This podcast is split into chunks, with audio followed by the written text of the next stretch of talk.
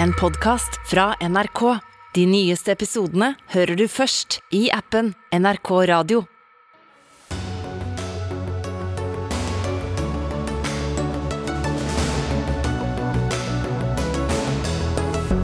Regjeringen dobler fradraget for fagforeningsmedlemmer.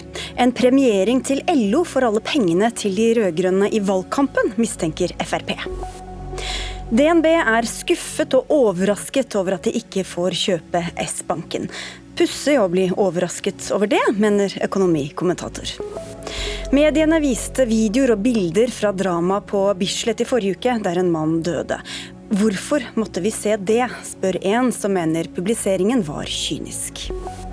Og en ny bok skal lære elever ned i tolvårsalderen om rasisme. Men den er uegnet for bruk i norsk skole, sier en professor emeritus. Og det er bare noen av sakene i dagens Dagsnytt 18, i studio Sigrid Solund. Ja, Den ene av våre første gjester vil gi mer til folk flest. Den andre er opptatt av at vanlige folk skal få mer. Så hvem skal få, og hvordan? I løpet av to år vil regjeringa doble fagforeningsfradraget, slik at alle som er organisert i en fagforening etter hvert kan trekke fra 7700 kroner på skatten. Halvparten av økningen kommer i budsjettet for neste år. Og dette sier du til VG at du er kritisk til Fremskrittspartileder Sylvi Listhaug, men hvorfor er du ikke glad for at veldig mange nordmenn nå skal skatte mindre? Fordi at jeg ser at samtidig så sender man en ekstraregning til syke i egenandeler på 600 millioner kroner. Man kutter for Hvis vi holder oss til dette, da? Jo, men det, dette handler om prioriteringer. Man følger ikke opp det Stortinget vedtatt om å gi feriepenger til de som er arbeidsledige. Samtidig så betaler man da en premie tydeligvis til LO for den støtta som man har fått i valgkampen. 42 millioner kroner har altså LO pumpa inn i de rød-grønne partiene for at de skulle vinne valget. Og det er klart at de forventer noe igjen, og da har de fått en gavepakke her på 650 millioner kroner. Men det, det gjelder jo ikke bare LO-medlemmer, det gjelder jo alle som er organisert i alle mulige andre foreninger også? Ja, og vi mener jo at alle i Norge fortjener å få skattelette. Alle som er i jobb og bidrar til samfunnet, ikke bare de som er medlem i LO. Eh, og vi syns at det er en rar prioritering så lenge du kutter for uføre, gjør det sykere å være, være Nei, dyrere å være syk, okay. ja, og du heller ikke følger opp feriepengene. Hadia Tajik, arbeids- og inkluderingsminister. Hvorfor skal bare akkurat de som er fagorganisert få skattefradrag? Nå er det jo sånn at eh, Vi foreslår jo faktisk skattekutt for alle som har inntekter under 750 000 kroner. Så vi har eh, sørga for å ha et rettferdig skatteopplegg. Men jeg må si at jeg er enormt stolt over å tilhøre en bevegelse som uh, har så mye arbeidsfolk i ryggen. Fordi det er klart at Denne regjeringa sitt prosjekt er å flytte makt til arbeidsfolk, og det gjør vi på flere måter. Men det å øke fagforeningsfradraget for alle, enten man er LO-organisert eller i NITO eller Akademikerne eller hvem den måtte være, det bidrar òg til at man styrker det organiserte arbeidslivet. Og Det er bra ikke bare for den enkelte som blir organisert, men det er bra for samfunnet vårt som helhet. For det bidrar til, det bidrar til bedre lønnsutvikling, til lavere konfliktnivå og høyere produktivitet i samfunnet vårt. Så det er en fornuftig investering for oss alle sammen. Ja, jeg mener det, Dette er jo bare rett og slett en tilbakebetaling for alle de millionene dere fikk. Her sitter jo LO representert også i sentralstyret til Arbeiderpartiet. Det samrøret som er mellom LO og Arbeiderpartiet er direkte usunt. Eh, og man kan stille spørsmålstegn ved at eh, det er lov å holde på på den måten som man faktisk gjør her. Det, men Det er jo en litt annen debatt, da. Men nå sier jo du uh, at dette er en premiering. Høyresida får jo også penger til valgkamp. Så hvis dere gjør ting som gagner noen av dem som dere får penger av, så er det også en premiering, eller? Ingen som får plass i FrPs sentralstyre. Nei, nei, men nå snakker vi om dette penger. fagforeningsfradraget, da. Altså politikken i det. Hvis dere gjør ting som gagner en gruppe som dere har fått penger av, er det fordi at dere skal si takk for sist til dem? Nei, det, Vi gjennomfører den politikken vi står for. Det men det ingen... Dette står jo i Arbeiderpartiets program, jo, at de skal men, gjøre dette? Ja, men det, LO sitter jo og er med på å lage programmet. De sitter i utøvende organ i partiet. Det er ingen som sitter i Fremskrittspartiets sentralstyre eller i våre organ, eller i programkomiteen for den saks skyld uansett hvor mye penger de måtte betale. Og Det er det som er forskjellen. Men jeg tror det at syke, uføre, arbeidsledige som nå er redd for om de har råd til å reise på ferie i juni, som står uten inntekt, nå syns det er en rar prioritering når man faktisk øser ut Dette vil jeg veldig gjerne svare på, programleder. Ja. til LO-medlemmer og andre For- ja, for det er en som skal premieres ja, det er en prioritering, for Hadia eh, 40 Tajik. millioner kroner i valgkampstøtte. Noen har ikke fått, men disse har fått. Jeg er veldig opptatt av feriepenger på dagpenger. Men du har det ikke levert på står i Hurdalsplattformen. Vi skal gjennomføre det. Ja, når skal dere Grunnen gjennomføre til at feriepenger på dagpenger ble fjerna, er fordi Fremskrittspartiet, når de satt i regjering, fjerna de i 2015. Sylvi Listhaug ber et personlig ansvar for denne situasjonen. men dere hva kunne men det- det- dere, er- dere, dere, dere, dere, Nå må vi ta For en Dere kunne, dere kunne prioritert denne gruppa, men dere prioriterer fagforeningsfradrag i stedet for. Vi prioriterer helt vanlige folk sine liv. Og I dette budsjettet så har vi gjort en rekke ting som styrker alminnelige folk sine lommebøker. Og jeg ser fram til å gjennomføre at vi får feriepenger på dagpenger òg. Men la meg ta tak i, la meg ta tak i påstanden fra Sylvi Listhaug. Nå kan Hadia Tajik få snakke ferdig, da. Ja. Påstanden fra Listhaug om at dette er så udemokratisk at man øker fagforeningsfradraget, er, for å si det på godt norsk, ganske hull i hodet. Når LO bestemmer seg for hvem det er de gir valgkampbidrag til, så gjennomfører de en demokratisk prosess der de representerer altså én million arbeidstakere som er organisert hos de, der eh, representanter fra hele landet samles på Kongressen og tar stilling til om de vil gi valgkampbidrag, hvem de vil gi valgkampbidrag til, og hva som skal være størrelsen på det valgkampbidraget. Men Sylvi Listhaug representerer et parti som har fått penger fra Steinar Erik Hagen, fordi det er hans personlige mening at han bør gi penger til de, fordi han tenker tydeligvis at det gagner hans personlige får dere får også ligger- mennesker av rike, nei, det av rike ligger- mennesker. Det ligger ingen demokratisk prosess i forkant av den pengeytelsen. Et annet eksempel er at Fremskrittspartiet får penger fra Aksjon for borgerlig valgseier. Det er anonyme givere som står bak den. Man aner til dags dato ikke hvor de pengene Nei, kommer fra. det har vi diskutert tidligere. Det er jo en, men, Men- hvis vi men prøver, skal vi prøve jo- å holde oss til den saken Ja, men- her, eller? men her prøver men, man- men jeg vil bare spørre deg om noe. Ja, seg vekk. ok, men På- for å spørre om dette. sånn som. Arbeiderpartiet alltid gjør. Altså Det norske systemet, som har store foreninger både på arbeidsgiver- og arbeidstakersiden, eh, mange fagorganiserte, trekkes jo fram som en av grunnene til suksessen med den norske modellen. Ønsker dere at mange skal være fagorganisert? Altså, ja, dersom de ønsker det. Men vi ønsker jo ikke en premiering fordi man er Dere vil ikke stimulere til det? Nei, vi ønsker rett og slett at alle som jobber og står på skal få skattelettelser. Eh, Men, men så er det jo altså, jo direkte utrolig å sitte og høre på når man snakker om feriepenger og skylde på Frp.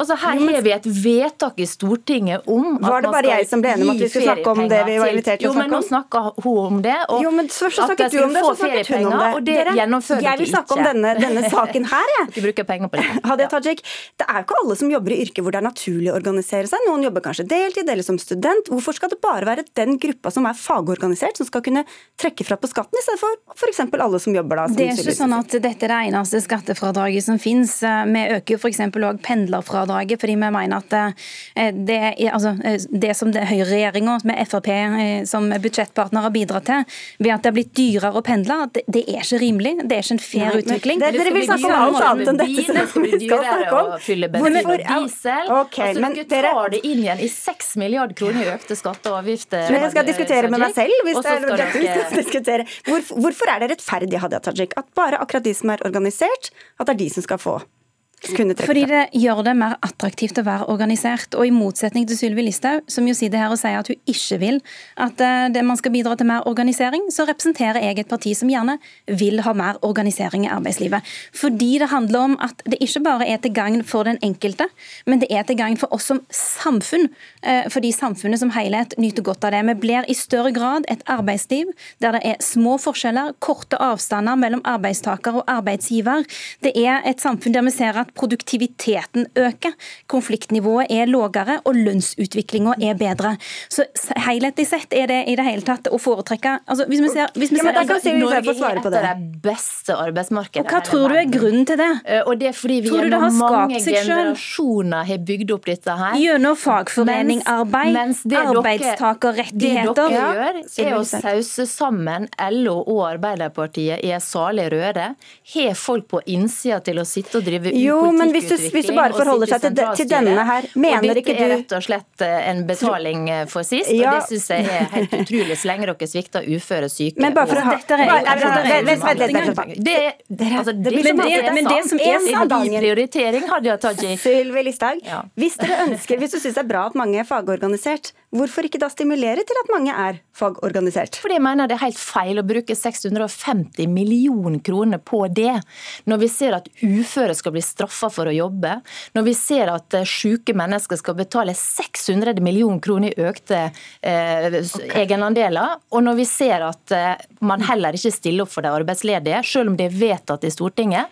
Jeg hører du sier du skal komme tilbake, tilbake. Det. det. hadde du sjansen til i budsjettet, men, men du gjør det ikke. Men det var jo Fremskrittspartiet som fjerna feriepengene på dagpenger. Det ble helt useriøst. Okay, okay, okay. Hadia Tajik, nå sitter dere og forhandler med SV om budsjett. De vil egentlig kunne trekke, at man skal trekke fra alt det som man betaler inn til Hvorfor ikke gå inn for det? Altså Nå er det jo Stortinget som forhandler, øh, sånn at jeg er jo ikke en del av de forhandlingene. Dere har ikke gått inn for det i deres øh, alternativ? Vi har foreslått at man dobler fagforeningsfradraget i løpet av to år, og det er jo fordi man lager et helhetlig budsjett. Og vi har satsa på at det skal være enklere å komme i arbeid, at det skal være trygge jobber folk går til. Gjennom de siste åtte årene har vi sett en enorm svekkelse av arbeidsfolk sine rettigheter, og endelig har de altså fått en regjering som er på lag med arbeidsfolk. Det er så tull at det går ikke an å sitte og være i verdens beste land. Vi skal få slippe dere. Men før det går. I hele landet. Ok, godt. Jeg føler at vi er i valgkampen fortsatt. Ja. Sylvi Listhaug, bare en liten kommentar til eh, den nyheten som kom i ettermiddag om at Christian Tybring-Gjedde trekker seg fra FrPs sentralstyre. Hvorfor gjør han det? Det gjorde han for flere uker siden. Det handler om en votering i stortingsgruppa om et internasjonalt verv. Hvorfor fikk han ikke det internasjonale vervet? Da? Det er stortingsgruppa, så er det slik at uh, en flertall bestemmer. Hva syns du om at han trekker seg? Nei, altså, det må vi ta til etterretning. Jeg syns Kristian er en veldig flink politiker, men han er fremdeles i stortingsgruppa og kommer til å bidra. Da fikk vi i hvert fall ren tale uten flere stemmer samtidig. Takk skal dere ha begge to, Hadia Tajik og Sylvi Listhaug.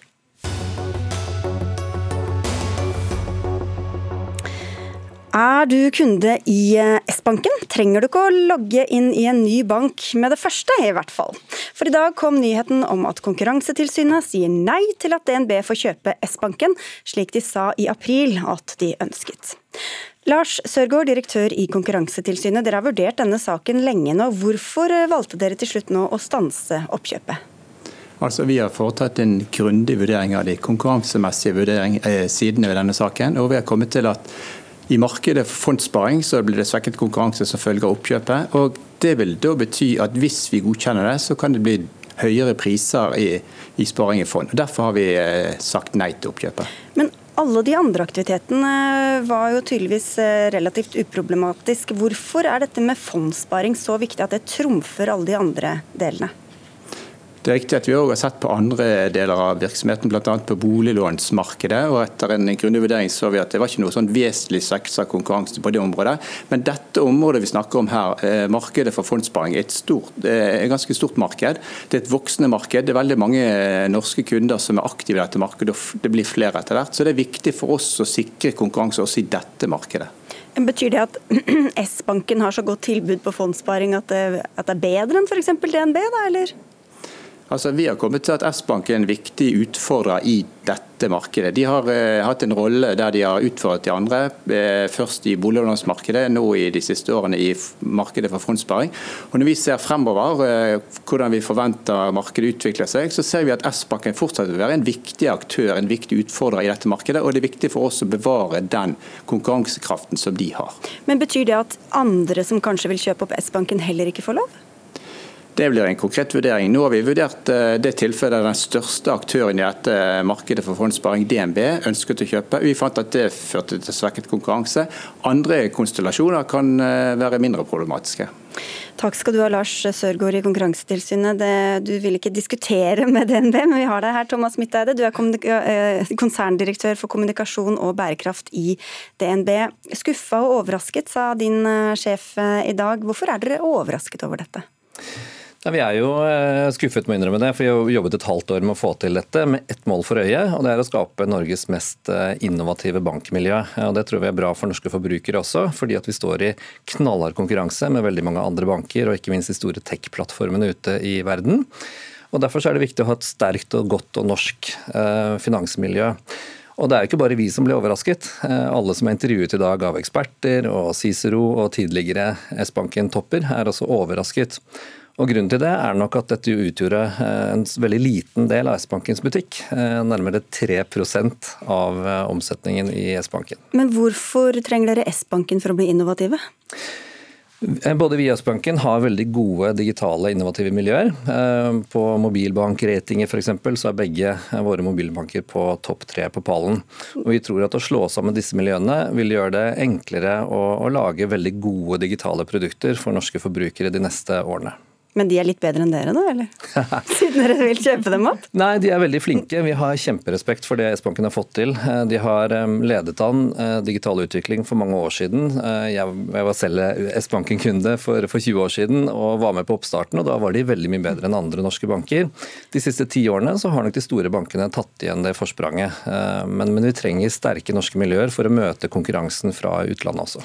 Nå har dere hatt noen uker på dere til å justere, komme dem i møte. Hva er det dere har foreslått? Foreslått da?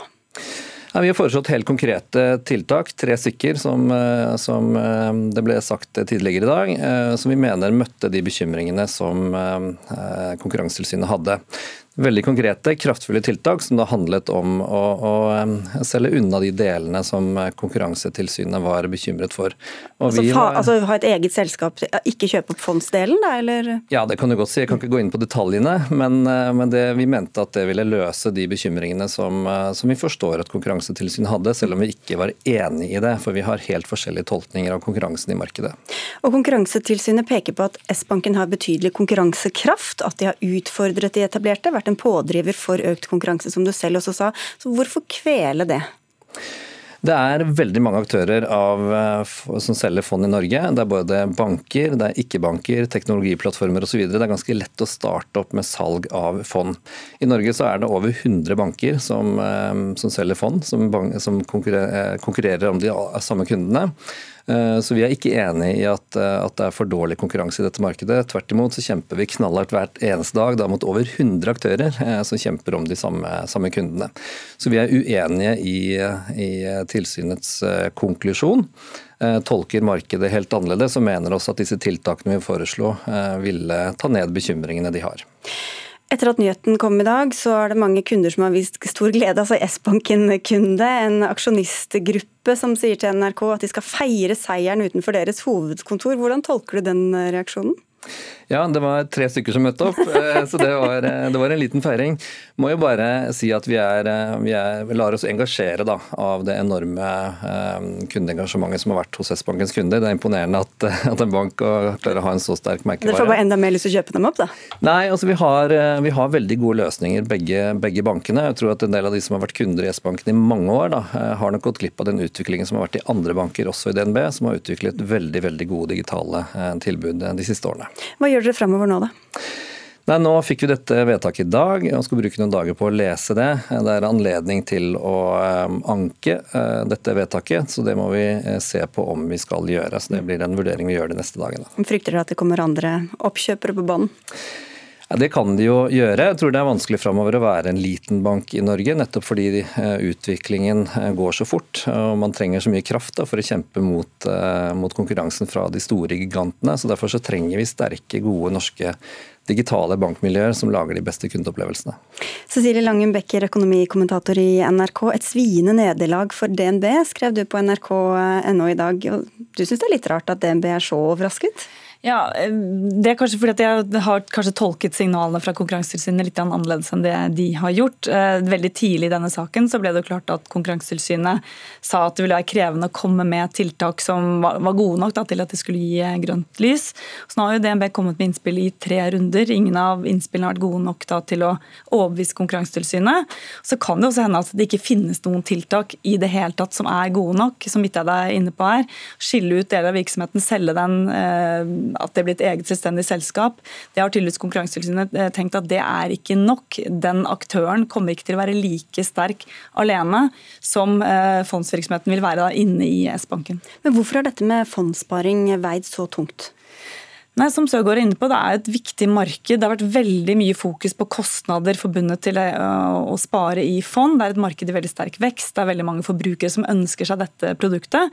sånn at Her prøver de nok kanskje å, å komme, være litt i forkant og, og, sikre at dette markedet også har sterk konkurranse i, i fremtiden. Mhm. Hvordan ser du på S-bankens rolle i, i, det norske markedet?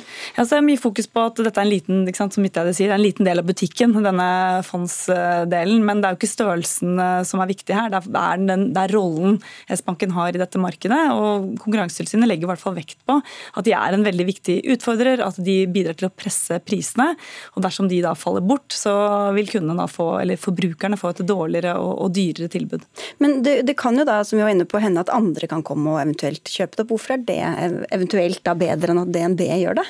Det er ikke sikkert at det kommer til å være bedre. Det er som Søgaard sier, det kommer til å bli en individuell eh, vurdering da, hvis det er noen andre som eh, kommer. Det blir uansett ikke lett, uansett hvem det da eventuelt eh, skal være som, som vil komme og, og, og overta S-banken. Vi får se om dere klager, Thomas Mitteide. Takk skal du ha for at du kom til en Dagsnytt 18. Og takk til Lars Sørgaard, konkurransedirektør, og vår egen Cecilie Langen.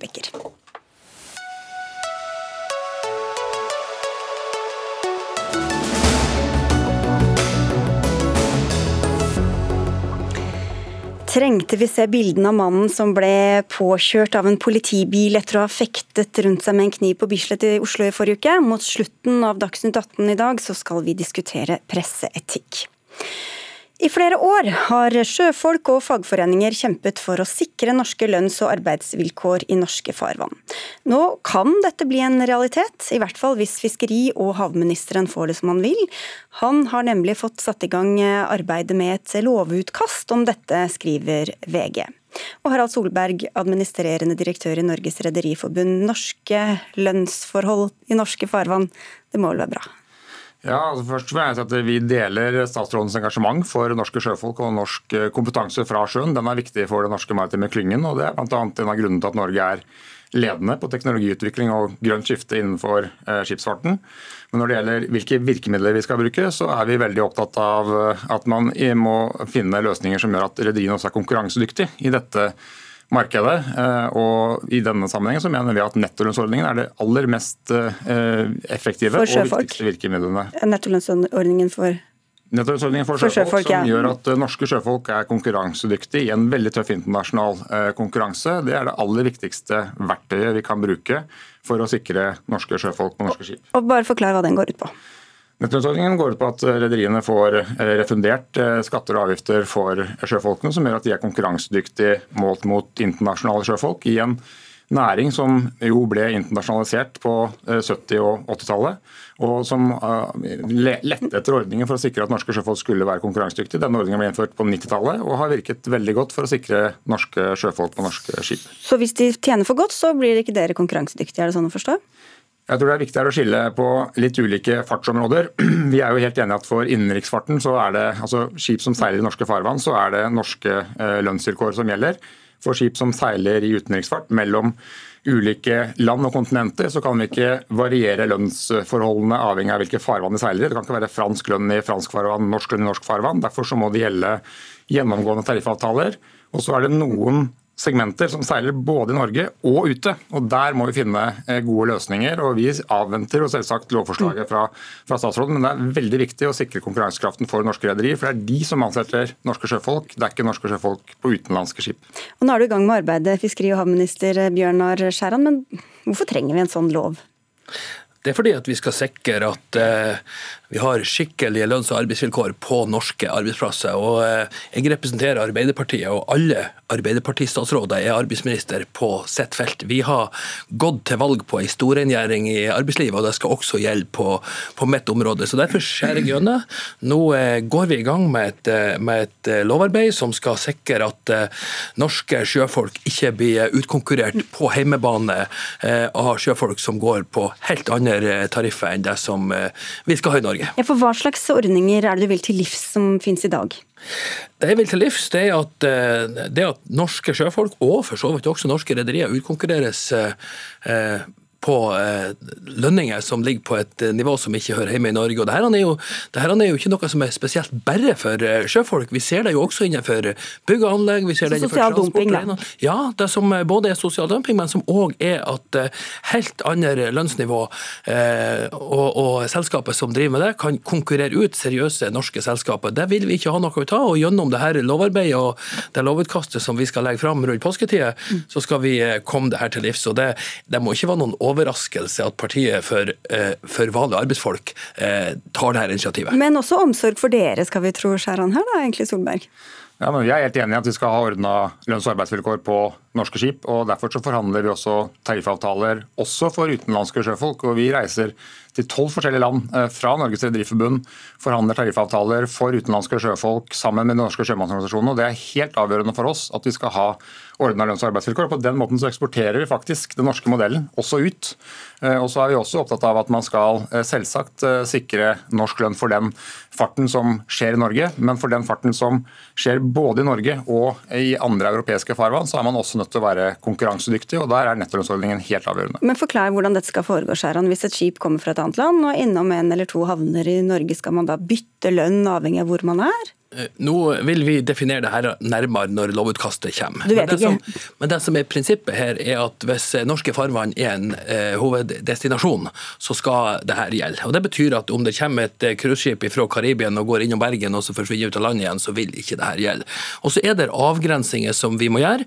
Og da vil jeg berømme organisasjonene, både Rederiforbundet og, eh, og organisasjonene på arbeidstakersida, som har gjennom eh, det utvalgsarbeidet vi har gjort, så har partene rydda opp i og funnet fram til enighet på mange områder. Og jeg har oppfordrer partene til å møtes igjen for jul, for å se om de kan bli enige om flere av de uenighetspunktene som ligger. Men eh, jeg er veldig klar. Eh, vi vil frem et lovutkast, og dess mer man er enige om, dess enklere blir det. Men da vil det jo lønne seg for det utenlandske cruiseskipet å bare legge til havn i Bergen, og ikke f.eks. Ja, nå vil vel kanskje ikke Stavanger ha disse cruiseskipene lenger, men andre, andre norske havner, da?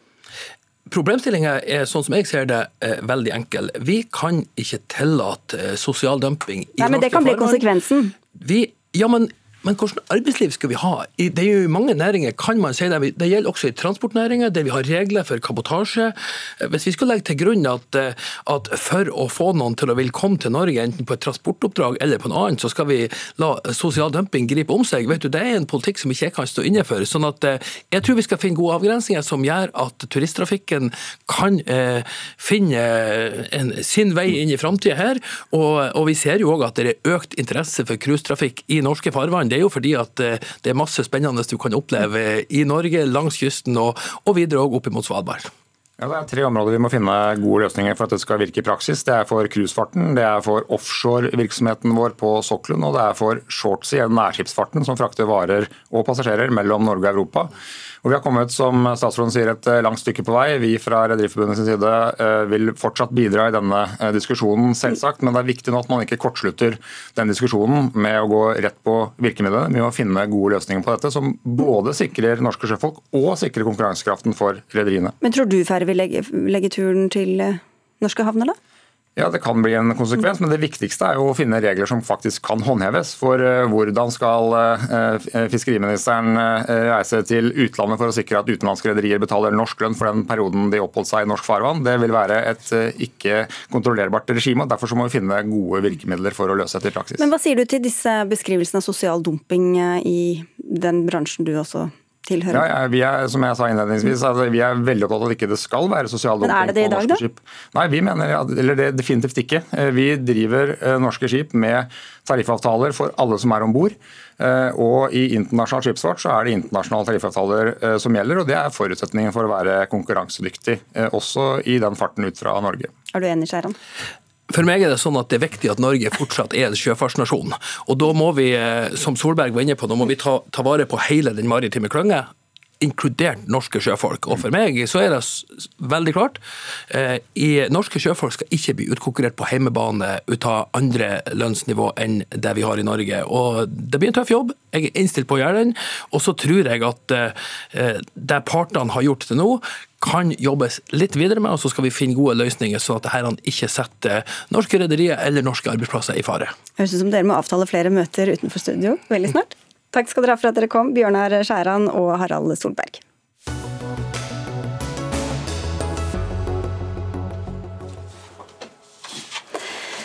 Hva skal norske barn og ungdommer lære om rasisme? Hvordan skal de lære det, og hvilke begreper skal de bruke? En ny håndbok mot rasisme fra den minoritetspolitiske tankesmia Minotenk forsøker å være en ressurs for lærere og elever ned i tolvårsalderen. Her brukes begreper som melaninrik, hvithetsnorm og afrofobi. Og håndboka får også kritikk, noe vi snart skal høre. Men først til deg, Lisa Esohell Knutsen. Du er rådgiver i Minotenk og har bidratt til boka selv. Hva er det dere vil oppnå med den?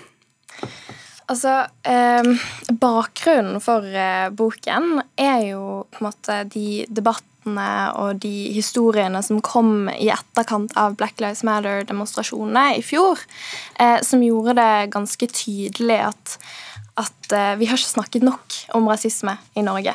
Eh, og vi ble også kontaktet av en, eh, av en del lærere og en del skoler som, som trengte hjelp med å, å liksom, hvordan skal vi snakke om rasisme på skolen.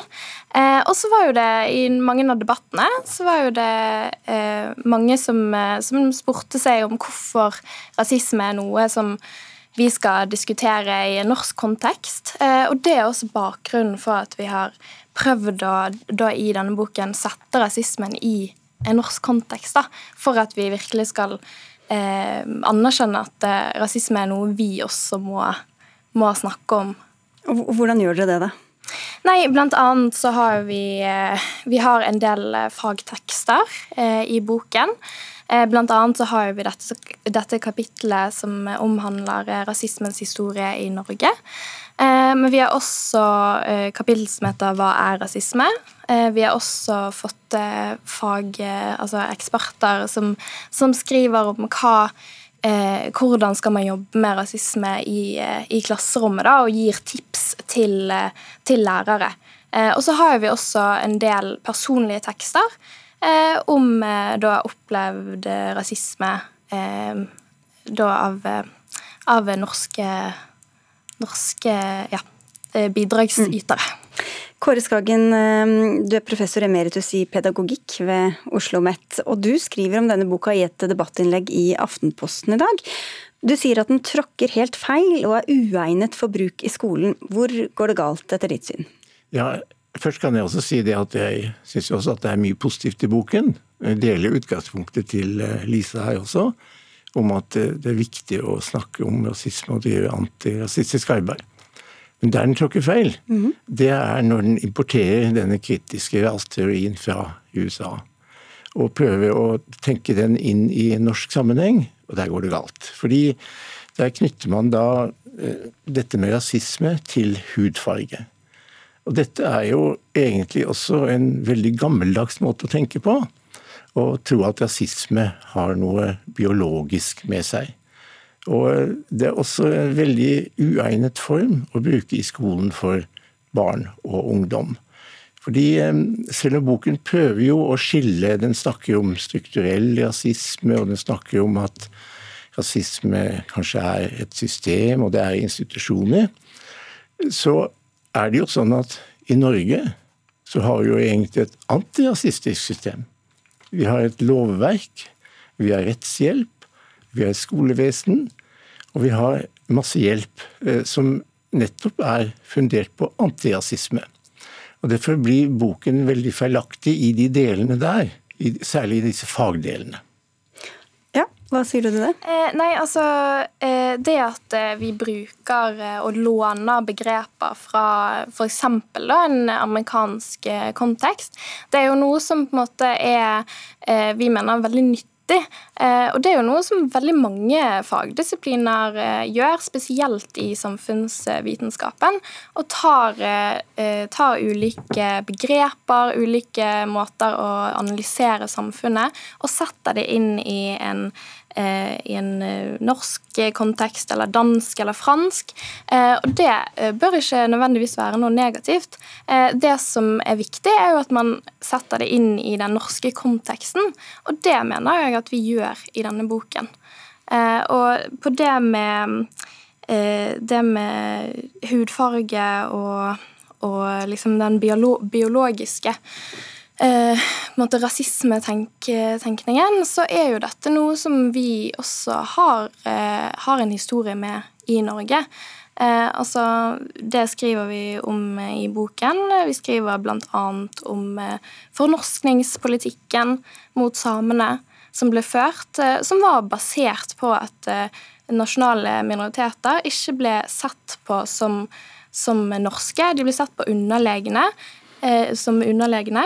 Eh, og, eh, og, det var basert på rasetenkning og en, en tenkning om eh, biologiske raser. Eh, så, så, her tenker jeg at man, man trenger heller ikke å importere eh, så mye, for vi har faktisk en historie her i Norge også. Ja, da er jo problemet da at uh, denne historien er det jo gjort veldig grundig oppgjør med. Og hele det norske rettsvesenet, som jeg sa, hele det norske skolevesenet, er jo basert på antirasisme. Og da er det et ganske drøyt stykke å si at vi har strukturell rasisme, vi har institusjonell rasisme. Og så er det veldig problematisk, særlig når det er snakk om å bruke denne overfor barn ned i tolvårsalderen hvor rasisme skal knyttes til deres hudfarge. Altså Barn i den alderen kommer ikke til å klare å skille mellom det som dere kaller institusjonell rasisme og personlig rasisme. Hvis man begynner å snakke om hudfarge, sånn som dere gjør, hvithetsnorm, dere sier om fordommer, måter å oppføre seg på, som alt sammen skal være knyttet til hudfarge. Hvordan mener du at barn kan tolke det feil, eller at ikke det fungerer? De vil tolke det personlig og de vil føle det at dette er noe som blir knyttet til dem. Og mange andre sammenhenger òg, når vi snakker om norsk kontekst. Vi har ett stort problem i norsk skole i dag, og det er vold. Vi har en økende voldsbølge mot lærere som har gått over flere år. Hvordan tror du det vil virke hvis man bringer inn denne tenkningen her med hvithet og rasisme inn i den sammenhengen? Men vi har også et problem med rasisme i norsk skole. Eh, og det er det vi prøver å gjøre noe med med akkurat denne boken. Og jeg er helt uenig i at vi eh, påfører noe sånn eh, skyld eller dårlige liksom opplevelser av, av, hudfarge hos noen. Altså, eh, vi snakker eh, så vidt om eh, dette med hvithetsnorm, som er et begrep som vi, som vi definerer, men samtidig så, så, er det også eh, et poeng som vi gjør, at rasisme er noe som eh, skader samfunnet som helhet. Eh, og da er det sånn at vi alle har Vi alle har et ansvar.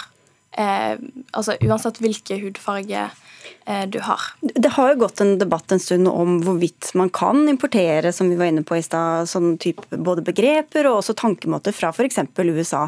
Hvor nyttig er det å gjøre det, syns du?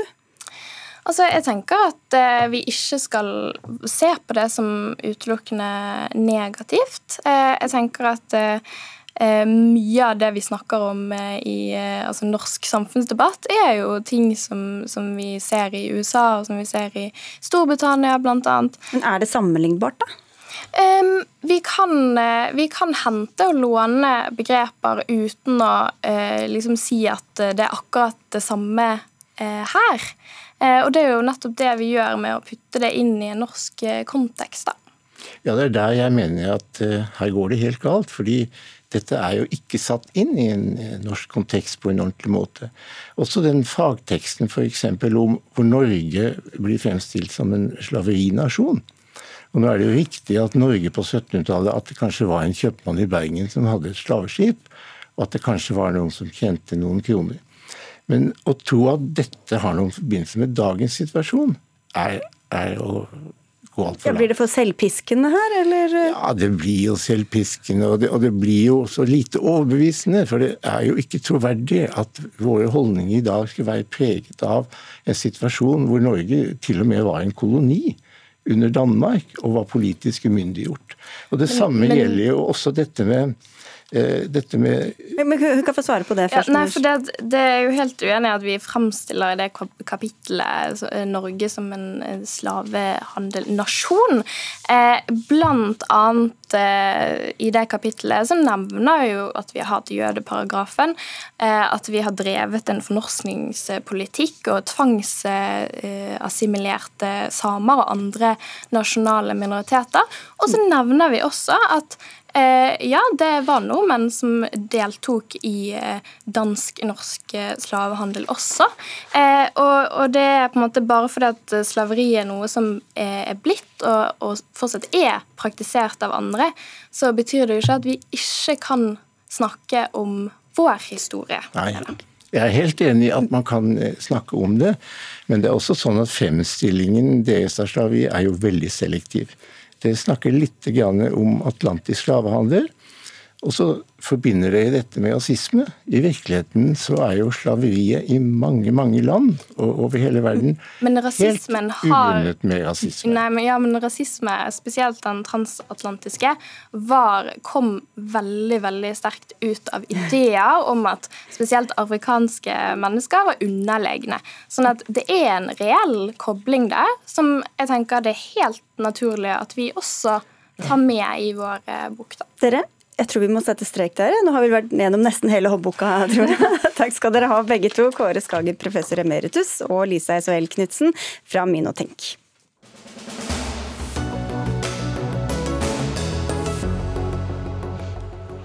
I kveld blir det antagelig klart om Norge kommer seg til fotball-VM i Qatar når herrelandslaget møter Nederland til gruppefinale i Amsterdam. Men nå, ett år før VM, er debatten om boikott fortsatt høyst levende pga. elendige arbeidsforhold og dødsfall blant gjestearbeidere i Qatar.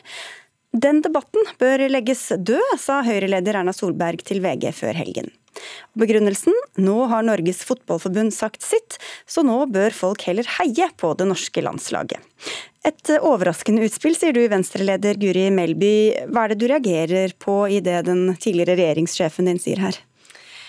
Vel, jeg reagerer jo på at man eh, setter en slags motsetning mellom det å heie på fotballandslaget, som jeg tror vi alle gjør, og det å fokusere på dårlige arbeidsforhold for eh, migranter i Qatar. Eh, og jeg mener jo altså, egentlig det motsatte.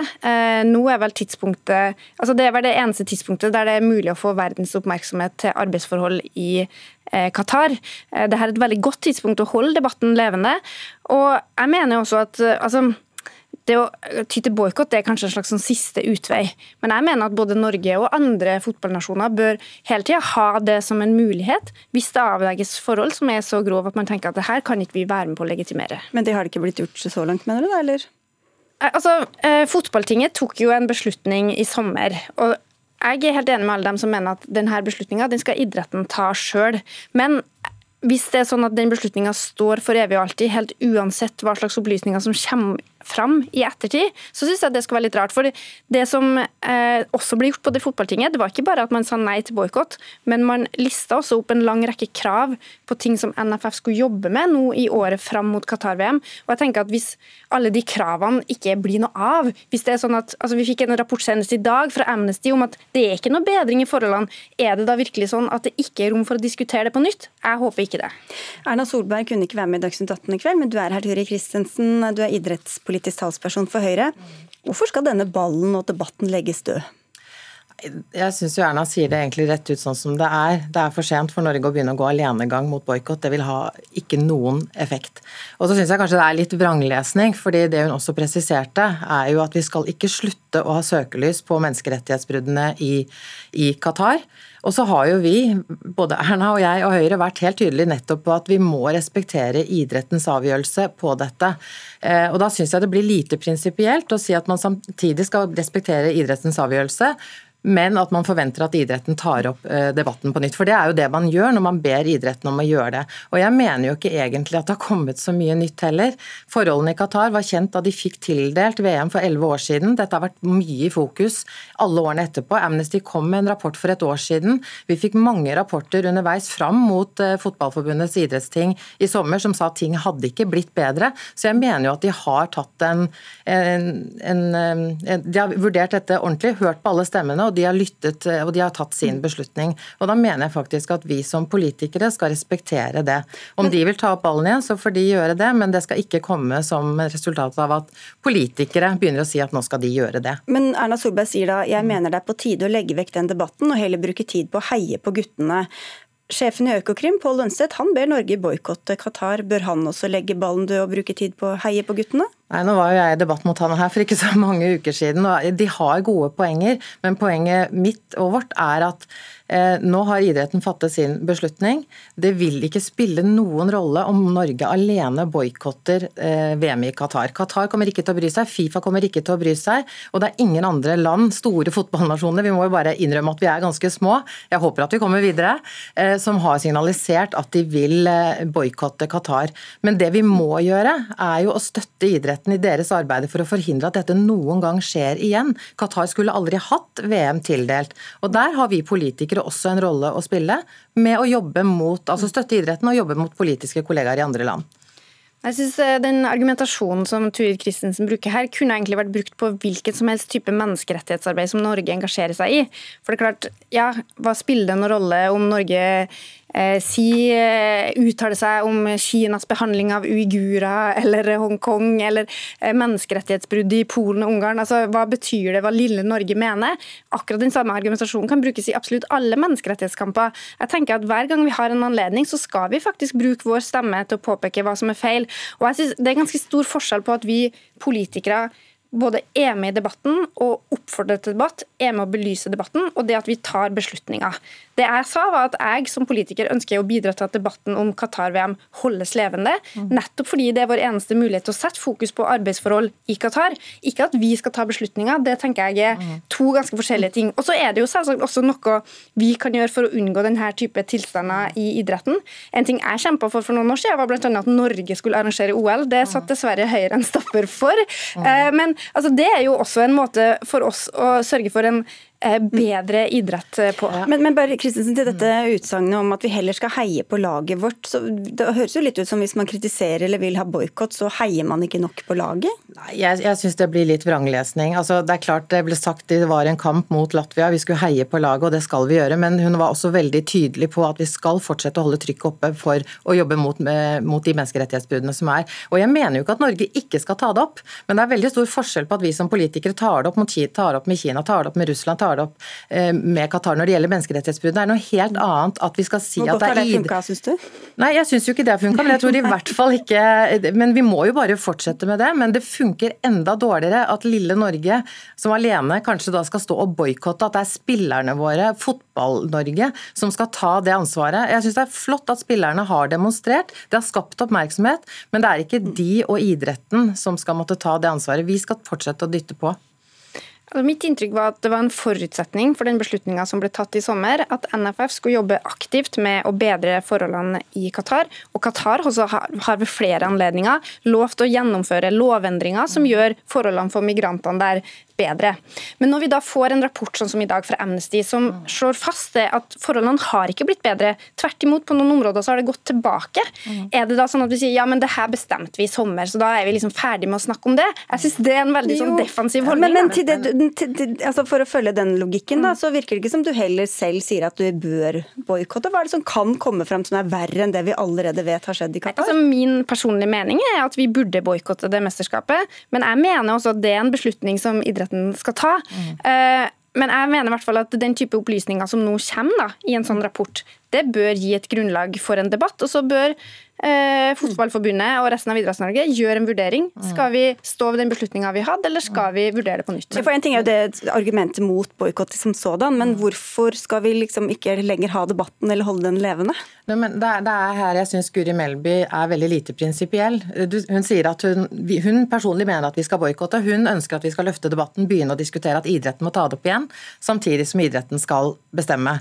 Hvis vi som politikere går inn og sier at nå skal dere debattere, og vi mener forresten at dere bør boikotte, da har vi jo ikke respekt for at det er idrettens demokratiske organer som skal avgjøre dette. Og det er klart, NFF, jeg tror jeg leste at de har hatt omtrent 200 møter nettopp for å belyse og prøve å jobbe mot de forholdene som de ønsker å få endret på. Eh, men vi ser jo at dialog er vanskelig med et land som eh, Qatar, så hvis vi skal lykkes med dette, så må NFF og vi som politikere lykkes med å påvirke Fifa, IOC, få med oss andre politikere i andre land, sørge for at idrettens egne organisasjoner klarer å sette foten ned. Nå har Fifa endret tildelingskriteriene. Stoler ikke helt på at det er nok, men det går i hvert fall for sakte. Men jeg mener mener at det, det, vi må gjøre nå, fokusere på nå, det er å forhindre at dette skjer igjen. Ok, Men litt lite prinsipiell altså, det å Altså, det jeg syns er litt synd, er hvis at vi bare dytter det her over på idretten og sier at de skal ta den beslutninga, så skal vi liksom holde en sånn armlengdes avstand til det her. Fordi det er ikke bare idretten som har ansvar for at det skal være OK forhold for arbeidere i, i, i Qatar. Og jeg mener at det er veldig mange måter Norge kan bidra til å påvirke på. Det var jo en av grunnene til at jeg så etterlyste f.eks. idrettsminister Anette Trettebergstuen. Hun har jo en mulighet til å gå i dialog med andre kollegaer i andre land, sånn at det ikke blir Norge som står alene, mm. men at vi kan danne en felles internasjonal front. Mm. Det skulle jeg ønske at Norge kunne gjort. Idretten og politikere sammen. Okay, det, er, det, er, poenget mitt. Altså, idretten jobber i sine organer, vi politikere ja. kan jobbe i våre organer, og vi skal dytte på. Men å boikotte OL, hvis vi nok virkelig klarer å kvalifisere oss i kveld, det har liten effekt. Ja, Det kan effekt. bli en naturlig boikott, for å si det ja. Takk skal dere ha. Takk Ture Christensen fra Høyre og Venstre-leder Guri Melby.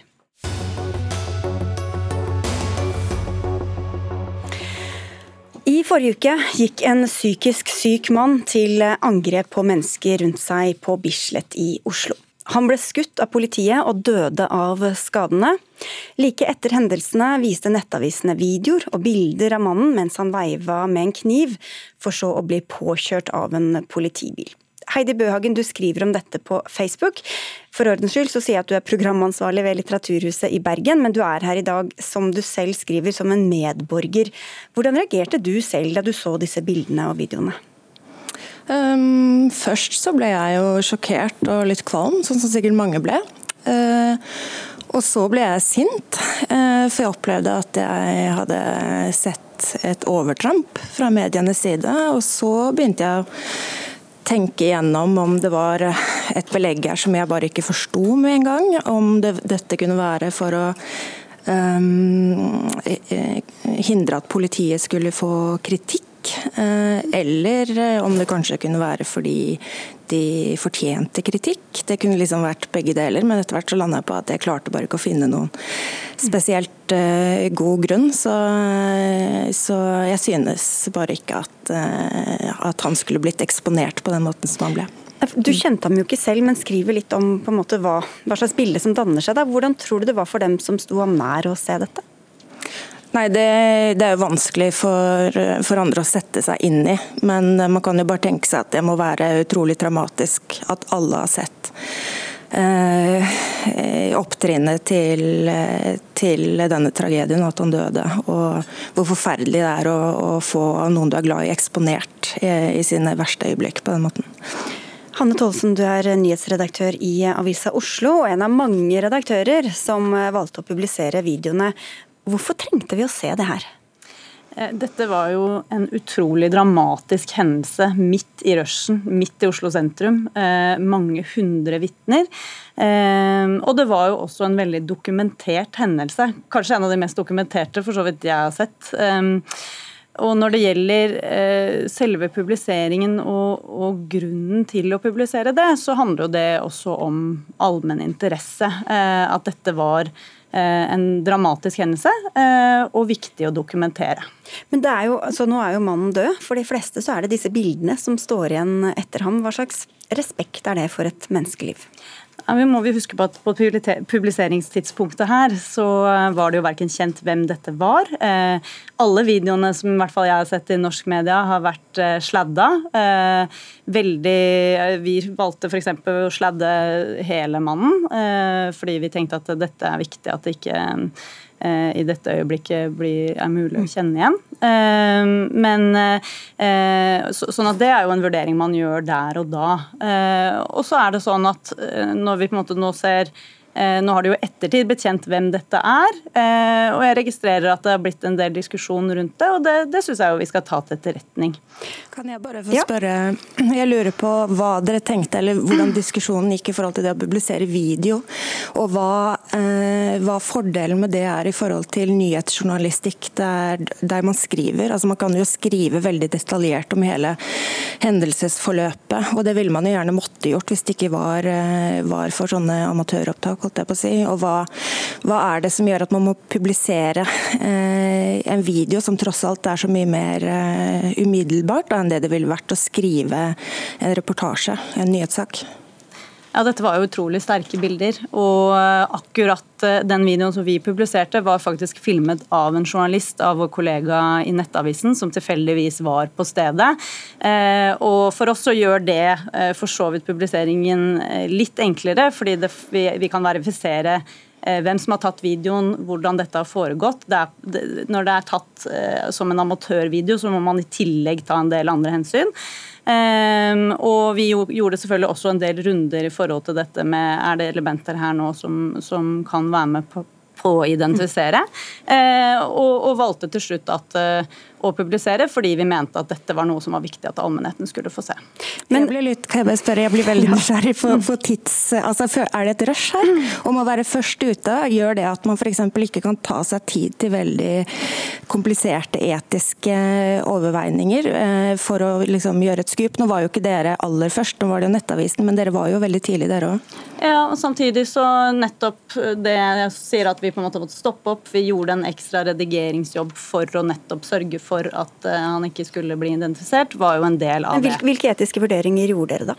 Nei, altså dette handler jo om Først og fremst handler det om eh, kan han identifiseres. Det er på en måte nummer én. Eh, deretter så er det jo selvfølgelig eh, Når vi da på ca. 20 minutter etterpå fikk vite at han var død, så gjorde vi inn og gjorde en ny redigeringsjobb i videoen. Nettopp for å på en måte modifisere eh, litt. Grann. Men jeg syns i etterkant eh, Jeg forstår argumentene fra Bøhagen. Samtidig så syns jeg at det viser også at det er viktig å, å nettopp at man har publisert det. Fordi vi ser at nå har den, den store debatten dreid seg om behandling av psykiatriske pasienter.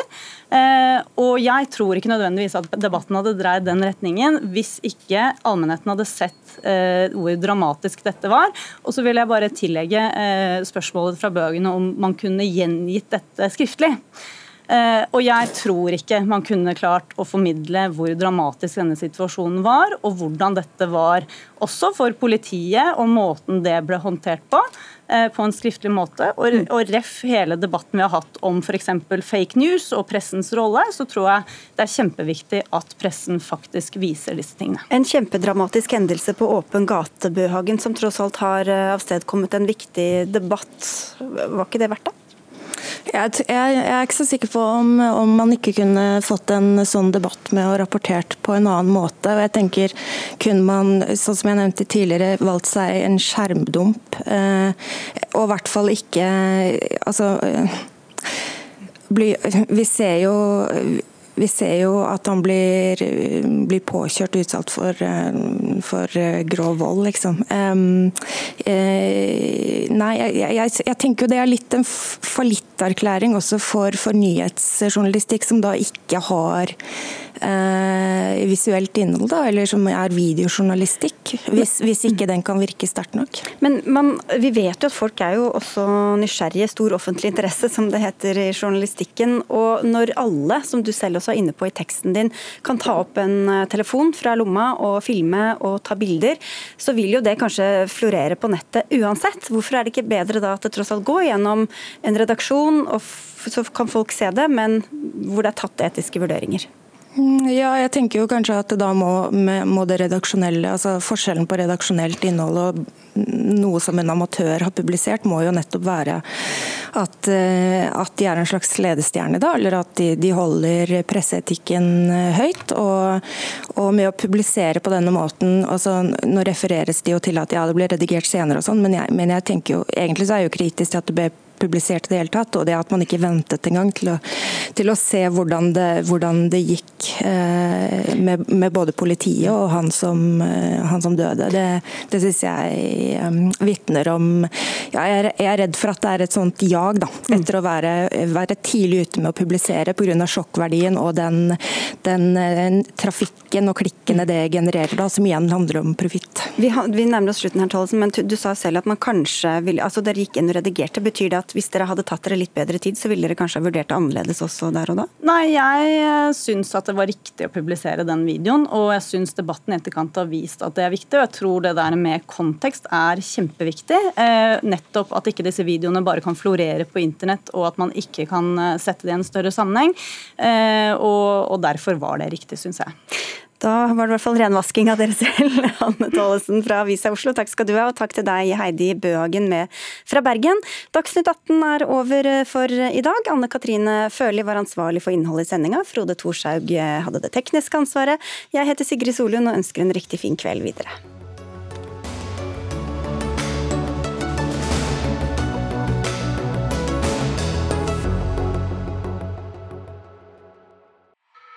Du har hørt en podkast fra NRK.